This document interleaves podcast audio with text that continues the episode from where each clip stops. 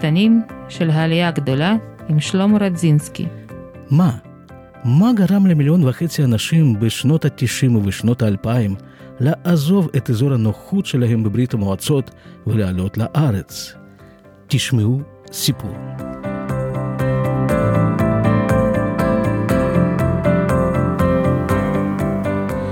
שלום למאזינים יקרים, היום אני שמח לארח את אה, רות פלאי.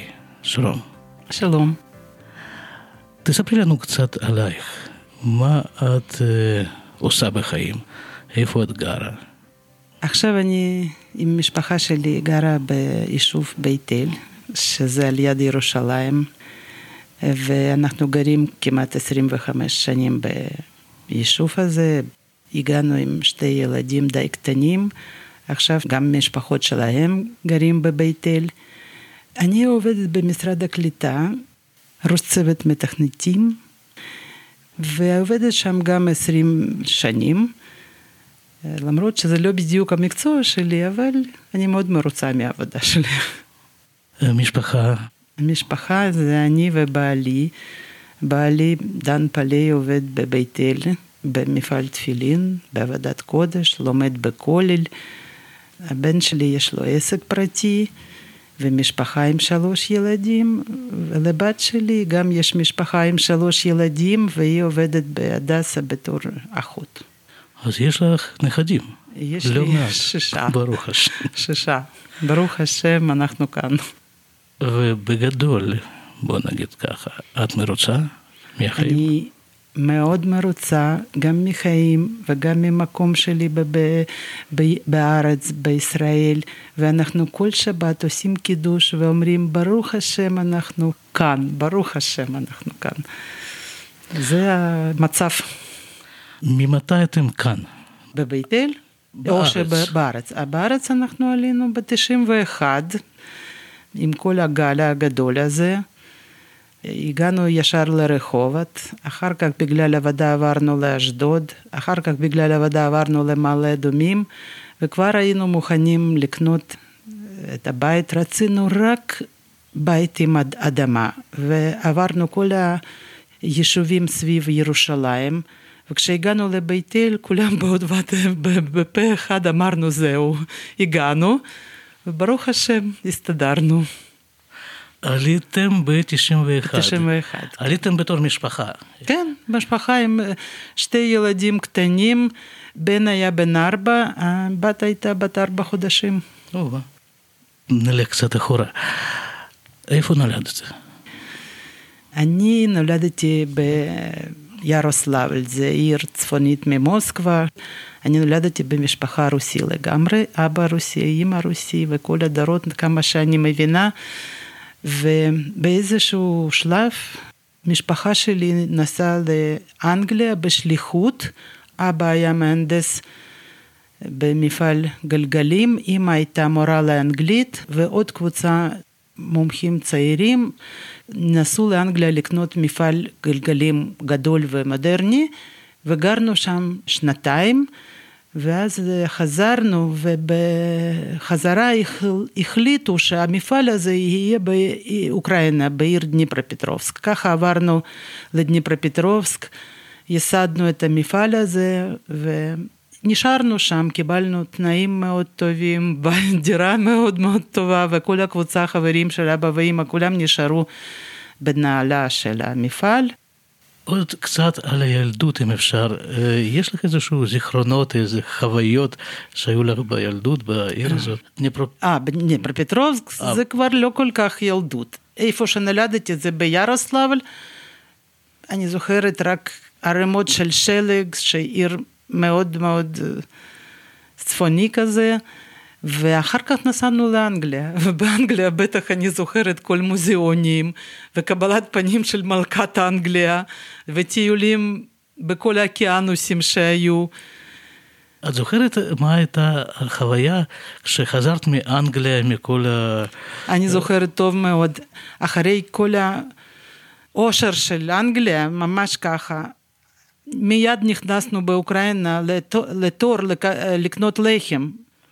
זה היה חוויה ממש, אני עמדתי בתור הזה, ואימא הסבירה לי שאמרו שצריך לסבול עכשיו, אבל בעוד עשרים שנה יהיה קומוניזם. זה היה שנת שישים, שישים פלוס. ואני אמרתי, טוב, אני אהיה בת עשרים ו... שש, שבע, ולא הייתי נצטרכת בשום דבר, אבל בסוף החיים לפחות אני אהיה מאושרת עוד פעם. זה החוויות מהילדות. זה מה שקורה, וקרה בסוף. זה מה שהיה, כן, וזה מה שקורה. האם הייתה צודקת כשהקומוניזם הזה הגיע לארץ. נכון, נכון. באיזה גיל עברת לאוקראינה? חזרנו מאנגליה ואני הלכתי לכיתה א' בדניפרופטרובסק. שפת האנגלית שלי הוא שפת אם, אפשר להגיד, וגם אימא מורה לאנגלית, וגם בית ספר היה מיוחד, אנגלית מכיתה א', פיזיקה ומתמטיקה, כיתה מיוחדת. בסוף התקדמתי לאוניברסיטה למקצוע מאוד מאוד מיוחדת לאישה, אפשר להגיד שזה חוזק של כלי טיסה, שעושים את הרקטות, ואז אני קיבלתי תואר ראשון שני, אחר כך בלנינגרד עשיתי בתחום הזה תואר שלישי, ועבדתי בתכנות בתור ראש צוות מתכנתים רקטות למפעל יוז'מש. ובגיל די, אפשר להגיד, מכובד, הכרתי את הבעלי, שתי מילים, איך הכרנו. אחרי שאני סיימתי דוקטורט בלנינגרד, בטיסה שהייתי במטוס בדרך חזרה לאוקראינה, אני דיברתי, בפנים אני הייתי מאוד מאוד אישה דתייה, למרות שהייתי רוסייה. בכל החיפושים, העיקר שלי חיים ומתנה, מטרה של חיים, אני הייתי כל זמן מחפשת את הקדוש ברוך הוא.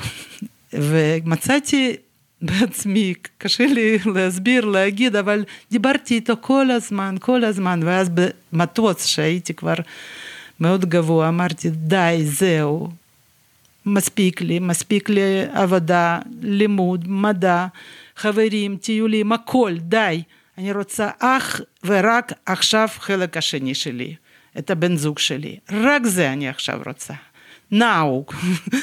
אז כשנחתתי, עשו מסיבה מאוד גדולה של חברים שלי, של הצגים שלי, תואר שלישי, ואז למחרת הזמינו כולם לפתוח את העונה של תיירות, לנסוע ליער, זה היה חורף, היה שלג, ושם לא עברו 24 שעות עד שהתפללתי ככה. שם הכרתי את בעלי בקבוצה הזו, הוא היה שנים רבות תפסן ערים, מאוד רציני, יהודי. לא בכוונה הכירו בינינו, במקרה, אבל פתאום גילינו שמדברים שנינו מול כולם ובפה אחד. כאילו אנחנו כל הזמן היינו מכירים אחד את השני. והלך והלך והתחתנו. בדניפרופטרובסק, אני כל פעם שאני מנסה לבטא את שם העיר הזאת, אני חושב שלתושבים של העיר הזאת אמורה להיות דיקציה מאוד טובה, כי כמה פעמים ביום להגיד את הדבר הזה, דניפרופטרובסק. איך את היית מרגישה בתור ילדה בבית ספר בעיר דניפרופטרובסק?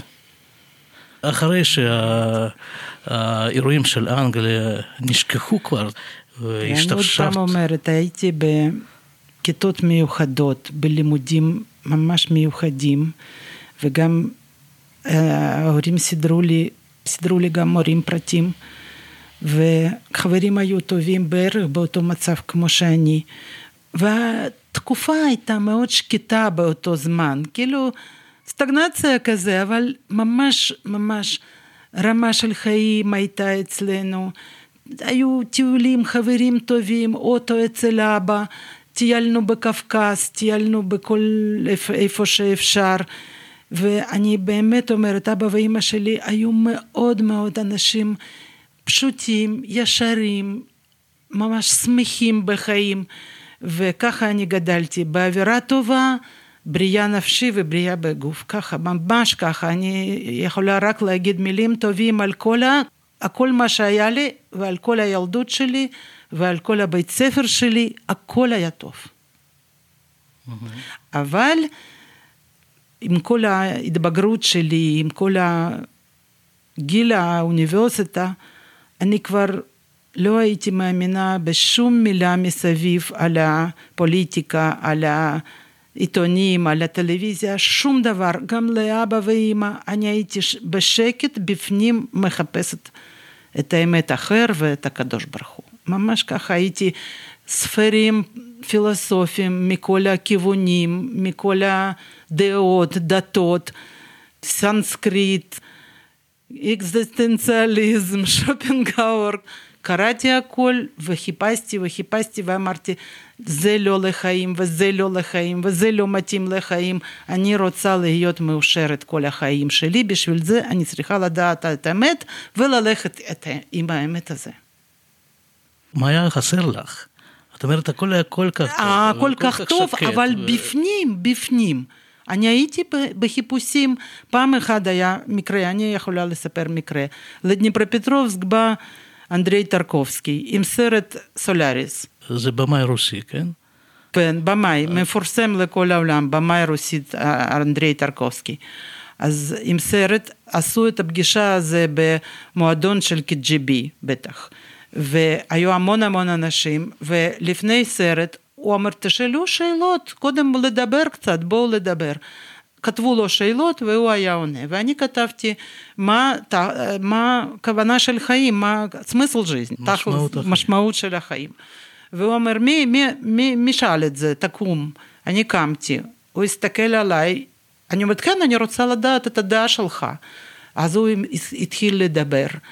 וכולם שתקו, והוא דיבר הרבה, וזה היה כאילו לא תשובה מוכנה, אבל בסוף סיכום היה זה לשפר את עצמו, לשפר את המידות ולהגיע ל... לאמת של החיים, של להגיע לקדוש ברוך הוא, לבורא העולם, ככה הוא אמר. אז לא רצו סרט, רצו להמשיך לדבר, אבל, וזה היה עד ארבע בבוקר. אבל למחרת כשהלכתי לעבודה, אני סיפרתי כבר, הייתי עובדת במכון סודי, כבר הייתי אצל מנהל של מכון, והוא אמר, מה זה השאלות הזה? מה זה השאלות הזה? ואני אמרתי לו, ומה אתה רוצה להגיד לי? שהכוונה זה לבנות קומוניזם? והסתובבתי והלכתי, והוא שתק, פשוט שתק. אז מאיפה כל החיפושים הזה? מבפנים, מרגישים, מרגישים שחסר משהו. ואז מגיעים לקדוש ברוך הוא. היו לך איזשהו, איך להגיד, פגישות, איזשהו, איכשהו נגעת ביהדות בדניפרופטרובסק? שום, שום דבר. אני הייתי לפי המדע, לפי העבודה שלי, היו סביבי את היהודים, אבל אף מילה. או שהם לא דיברו מולי, או שסתם לא ידעו שום דבר, אבל אף מילה וגם אני הייתי, עשיתי דוקטורט שלי בלנינגרד, וגם שם כל האנשים ממקצוע שלי, מכון פיזיקה, מכון פוליטך, זה טכניון של הרוסים, אף מילה, אף, אף מילה. אחר כך כולם, כולם כבר נסעו לאמריקה, ואני אמרתי, אבל אנחנו עם הבעלי מתכוונים לעלות ארצה. וכולם אומרים, איך, איך, שם רק מלחמה, איך את, את רוסייה, איך את יכולה? את לא יכולה לנסוע לשם, שם רק מלחמה. אני אומרת, לא, לא, לא, הביתה, הביתה, נוסעים הביתה. ככה אני הרגשתי, בעלי גם שאל, פתחו את השערים, צ'רנוביל מתפוצץ, כולם בורחים, לאן אנחנו הולכים? אני אומרת, הביתה. הוא אומר, מה בשבילך זה? מה, מה בשבילך בית? אני אומרת, יש לנו שתי, שתי דם, דם רוסי ודם יהודי. אם אנחנו לא יכולים להיות פה, רק בישראל, רק שם יכולים להמשיך את החיים שלנו. כל הקרבים של בעלי נסעו לגרמניה. אצלי היה צמרמורת מהמילים גרמניה.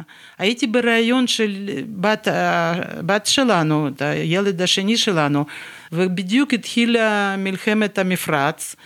והוא אמר, אבל שם עכשיו בדיוק מלחמה, כמו שאומרים לך. אני אומרת, מה, אז תינוקת אחד יש שם, יש שם תינוקות, אז יהיה גם, גם תינוק שלנו שם. אבל רק הביתה. וכשהגענו במכון ויצמן באולפן, גרנו ברחובות, הלכנו באולפן למכון ויצמן, בא לדבר איתנו רב דוברת רוסי שמעון גריליוס, והתחיל לספר איך הוא עם יוסף מנדלביץ' בכלא, במעצר, עשו פסח. ואני ישבתי, ומה לי על פסח, סיפור על פסח? אני באמת ברוסיה, באוקראינה, לא קראתי שום ספר, לא הגעתי ליהדות. כשרצינו לעלות ארצה, במפה התחלנו לחפש איפה זה, ולא הצלחנו למצוא ישראל. ישראל. ואחר כך לקחתי במפה הרשימה של מדינות, מצאתי שם ברשימה, מצאתי מספר 31, הלכתי למקום איפה שאת השלושים הזה, וראיתי Jerusalem, אבל לא היה כתוב ישראל, ראיתי ממש סנטימטר אחד שזה כתוב Jerusalem. אז הבנתי שאנחנו נוסעים לשם. ככה, לא ידענו שום דבר, שום מילה. אבל בסיפור הראשון שאני נתקעתי על הפילוסופיה קצת, שהייתי אהובת חיי כל החיים, זה היה שמעון גריליוס שסיפר לנו על פסח בכלא. והוא אמר, יש לי קורס פילוסופיה של יהדות, הנה ברחובות, באיזה ימים, באיזה שעות, אני לבד מכל האולפן הגעתי והתחלתי לשמוע. וגם סיפרתי לו שאני רוסייה, והבאתי את הבעלי, וככה הרגשנו כמו פאזלים, כמו כל החלקים של הבנות, כל השאלות, הכל נצטבר בפאזל אחד, שלם, יפה, והתחלנו ללמוד, ובעלי הלך לכולל, והתחלנו ללמוד ברצינות ולשמור שבת, ופשוט, פשוט התקרבנו, התקרבנו, התקרבנו, עם כל השמחה ועם כל האושר שיש לנו עד היום. כשהכרת את בעלך שם, ביער, איפשהו בשלג. כן, ביער, כן, בשלג. שהוא היה מטפס הרים. כמה שהבנתי, זה גם היה בדרך לחפש את האמת. כן, כן, זה היה. הפגישה הזאת. אבל.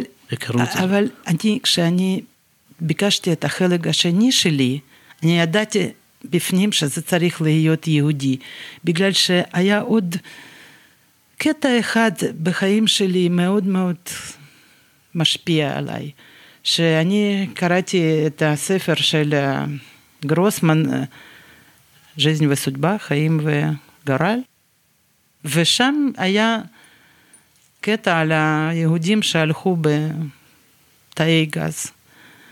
ובאותו רגע אני התחלתי לבכות ואמרתי לעצמי שאם יש כוח באדמה הזה, בכדור הארץ הזה, אם יש כוח שיכול להשמיד את העם שלם, אז הוא יכול להשמיד חיים בכלל.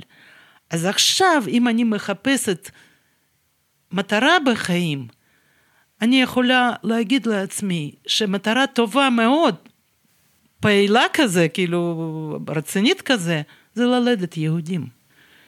מה אני יכולה לעשות נגד הכוח הזה? ללדת יהודים, אם רוצים להרוג אותם. ועכשיו אני יודעת מה אני רוצה בבן זוג שלי, אני רוצה יהודי עכשיו. וקדוש ברוך הוא קיבל את זה. ונתן לי את היהודי הכי טוב בעולם.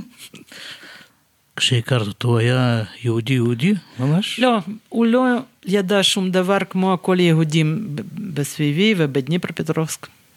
הוא היה מהנדס, מטלורגיה, והוא חשב שמהנדס זה הלאום שלו. הוא בכיתה א', כשהלך לכיתה א', ופתאום התחילו לקרוא לו יהודי ואפילו הרביצו איתו, אז הוא בא בבית ואומר, מה, אני גר באוקראינה, למה קוראים לי יהודי? מה, למה? אני אוקראיני כמו כולם. ההורים שלו אמרו, לצערנו הרב, זה לא ככה. לצערנו הרב, אתה כן יהודי. וככה הוא התחיל לשמוע על זה, אבל שמע את זה מההורים שלו רק כמו בעיה, זה הבעיה. זה בעיה שאנחנו כן יהודים. ושום הסבר מה זה יהודי, שום הסבר. סוג של נכות. נכון, ממש ככה, זה משהו שרק מפריע בחיים ככה. ככה הוא קיבל את זה וככה הוא גדל. התחתנתם, זה קירב אתכם ליהדות? לא, לא, אני מספרת שכשאני באולפן במכון ויצמן, התחלתי לשמוע והלכתי לקורס פילוסופיה של יהדות, אני בכל, אחרי כל שיעור, התחלתי לספר לו, אצלי זיכרון זה כמו דיסק קשה במחשב, אני הייתי מעבירה כל השיעור של שעה, שעה וחצי, שעתיים בעל פה הייתי מעבירה לו. והוא אמר, אבל שאלות, אבל דינוזאורים, אבל רדיאקטיבני מתוד, אבל כל מיני זה. אני אומרת, לך לרב ותשאל. וככה הוא התחיל לשאול שאלות, והוא לקח לא בשביל לקבל יהדות, הלך בשביל להתווכח. אבל כל השאלות נגמרו מהר, והלך לכולל.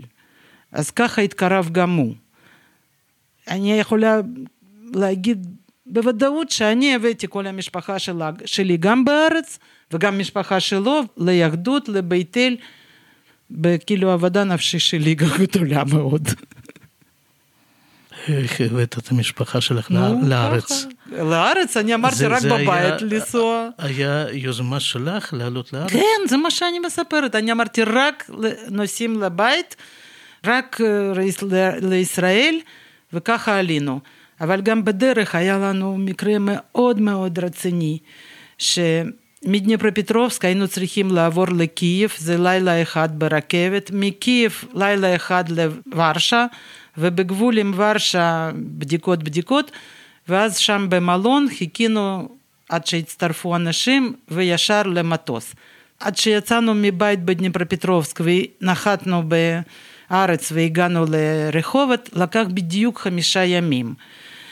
והבן שלנו בגיל ארבע, שם בדניפרופטרובסק, התחיל להיות חולה, חום גדול, נכנסנו לרכבת, ויותר רע ויותר רע, ושלשול ושלשול עם דם, ואיבד הכרה, חום ארבעים ומשהו, ואיבד הכרה. זה היה ניסיון, שנגיע או לא נגיע לארץ בסוף. הייתם ברוסיה? זה מדניפרופטרובסק שיצאנו, לדרך לעלות, כן, הוא איבד הכרה בגלל שהיה לו שלשול עם דם, מחלת של מי גס, שהתחילה פתאום בדרך, ממש באותו ערב שנכנסנו לרכבת, ופתאום בעלי מצא בכיס שלו אמפולות, וכתוב שזה נגד מחלות של המי גס. והתחלנו לתת לו, ולא פנינו לא לרופאים ולא בכיף ירדנו ממסלול, רק נתנו את האמפולות הזה כל שלוש שעות, בלי אוכל, בלי שום דבר, את אמפולה במים ובפה שלו.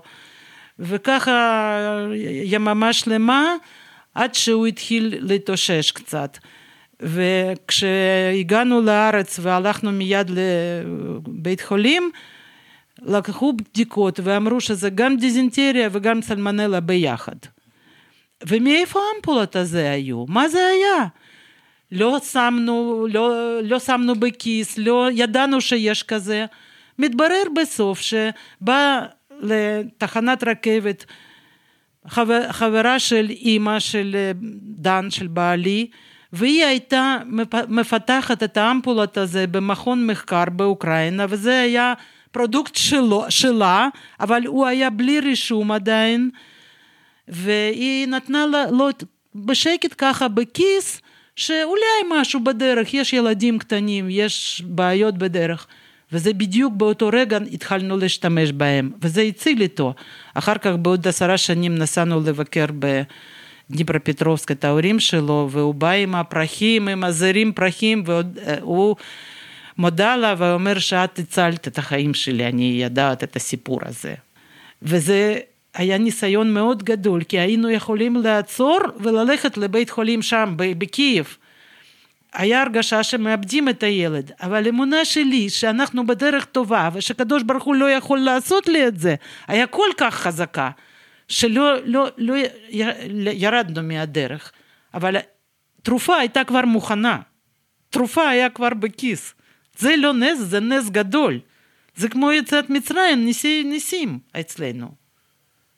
הרגעים הראשונים בארץ. אה, אז בן כבר אה, היה ברגליים, והוא ירד במדרגות של המטוס וראה את הדקל, והוא צרח, הנה ישראל, ועלה על הדקל הזה. וזה היה אושר ממש, בגלל שהוא היה עכשיו בלי הכרה שלוש ימים. ופתאום עלה על הדקל, והיו קבוצה עיתונאים של יפן, היו מצלמים את זה, ושאלו לנו שאלות. ואני עניתי באנגלית, שמאיפה הגענו, זה היה אינטרוויו ראשון שלי, שהגענו ממש ככה בבן גוריון. את עברת גיור? כן, באמצע קורס הפילוסופיה היהדות הזה, שאני למדתי את, ה, את האפשרות הזה, אני הלכתי לרחובות ברבנות ואמרתי שאני רוצה לפתוח תיק ולהתגייר, וזה לקח שלוש שנים.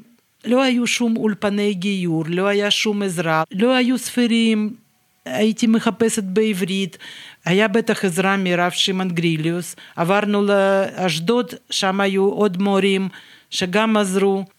פעם ראשונה ביקשתי דיון ואני רוצה, רוצה להתגייר, יש לי תיק בעוד שנה ובכלל לא, לא הצלחתי כי כל השאלות בעברית ואמרו לי למה את צריכה את זה, לכי מפה וזהו.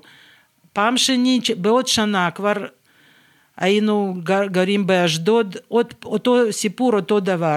ועברנו בעוד שנה למעלה אדומים, ותיק הוא כבר בירושלים, וכבר שמרנו שבת, שמרנו הרבה דברים, אבל לא הכל, בגלל שאני הייתי רוסייה, אז פגשתי ברבנות ירושלים את הרב, ואמרתי לו, אתה הרב זילבר? הוא אומר, כן. אני אומרת, אני לא מצליחה לעבור גיור כבר שלוש שנים, וקשה לנו מאוד עם זה. והוא אמר, שלוש שנים, למה כל כך הרבה? אני אומרת, נו, זה לא דבר שצריך למהר, אבל כבר שלוש שנים, לא יודעת מה לעשות. אז הוא רק אומר, בואי איתי, נכנס לאולם, איפה שהיה איזשהו דיון, ואומר, עכשיו תעצרו כולם, עכשיו עושים גיור לאישה הזה. וכולם אמרו, רב זילבר, בבקשה, יש לנו עניין כל כך קשה, כל כך קשה. אז קבעו מחר בבוקר, מחר בבוקר.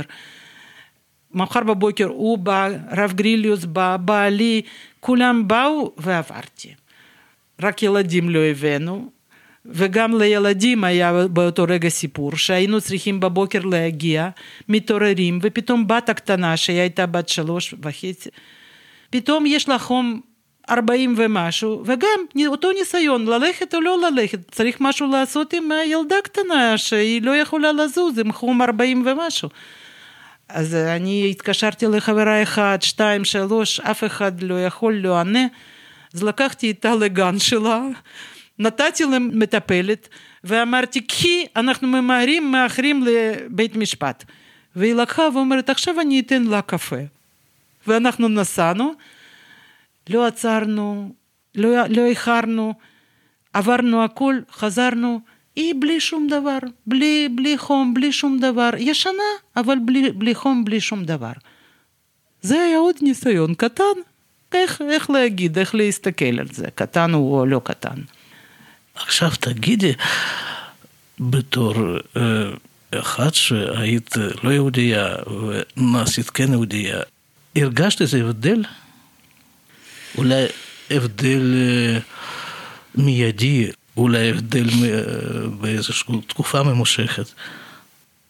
בהתחלה זה היה רק שמחה, וזה היה המשך החיים שהיינו צריכים, ובמעלה אדומים, ועברנו לבית אל, וחברים חדשים, ושמירת שבת, שזה פשוט ממלא כמו בטריה לכל השבוע.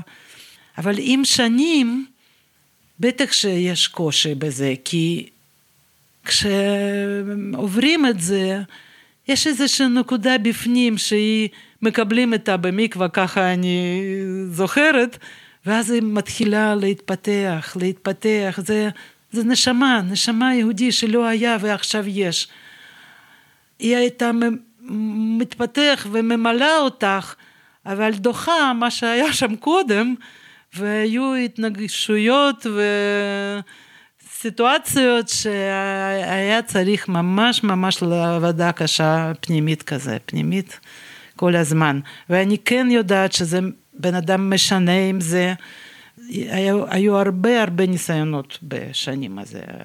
בש... לא מקבלים ארץ ישראל סתם ולא מקבלים נשמה, אנרגיה תוספת הזה, יחס מקדוש ברוך הוא מיוחד כזה, לא מקבלים את זה בקלות ובחינם וזה בטוח. יש בזה עבודה מאוד מאוד קשה וירידות ונפילות כמו אצל כולם. עכשיו השאלה כזאת, יש אה, מושג שנקרא עלייה ויש מושג הגירה, אמיגרציה. בשבילך העברה לארץ, מה זה היה? בטח שזה עלייה.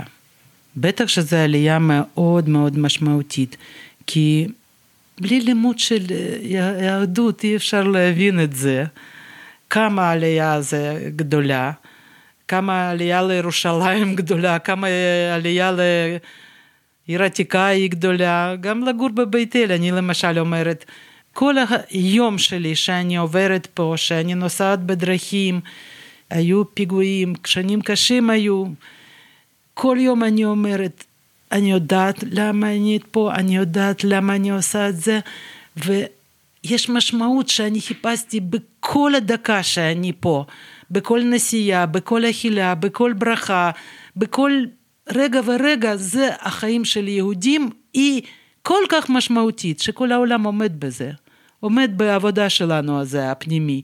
מה יש יותר גבוה מזה? זה כמו סיירת מטכ"ל של קדוש ברוך הוא.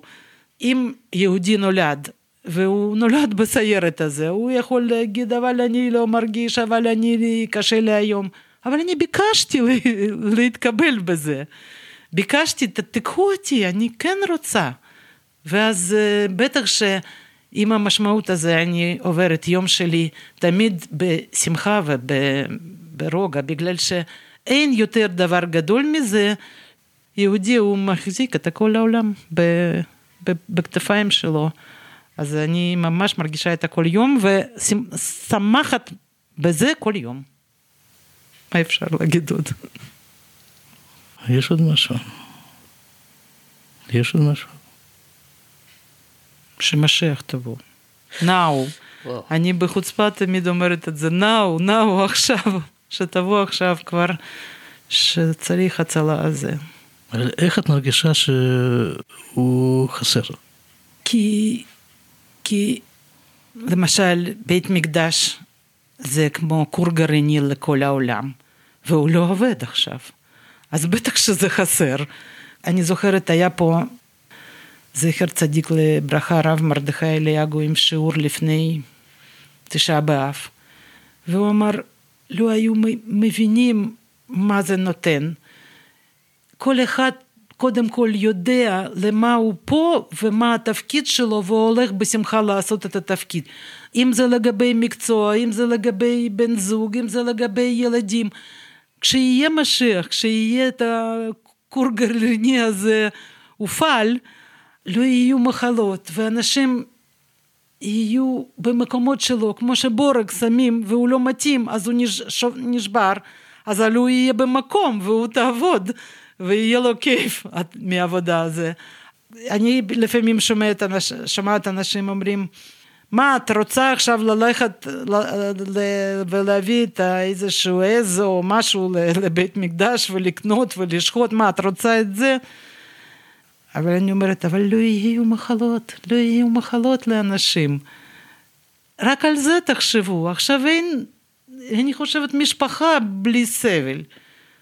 רק על זה, אבל זה לא רק, זה לא רק, זה לא רק שלא יהיו מחלות. יהיו עושר שאנחנו לא יכולים לתאר לעצמך מה זה העושר הזה. ואיך לא לרצות.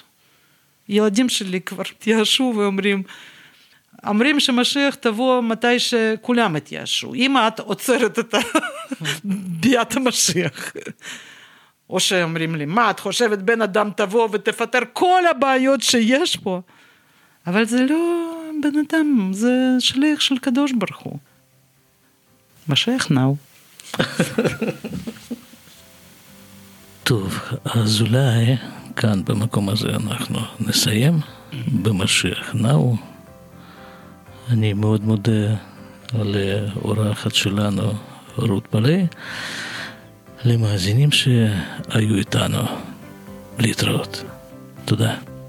להתראות. צחקתי יותר מדי ובכיתי גם.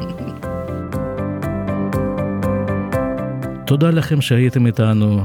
תשמעו את הפרקים הבאים שלנו, תשמעו את הפרקים הקודמים שלנו, תשמעו את הסיפורים הקטנים של העלייה הגדולה עם שלמה רדזינסקי.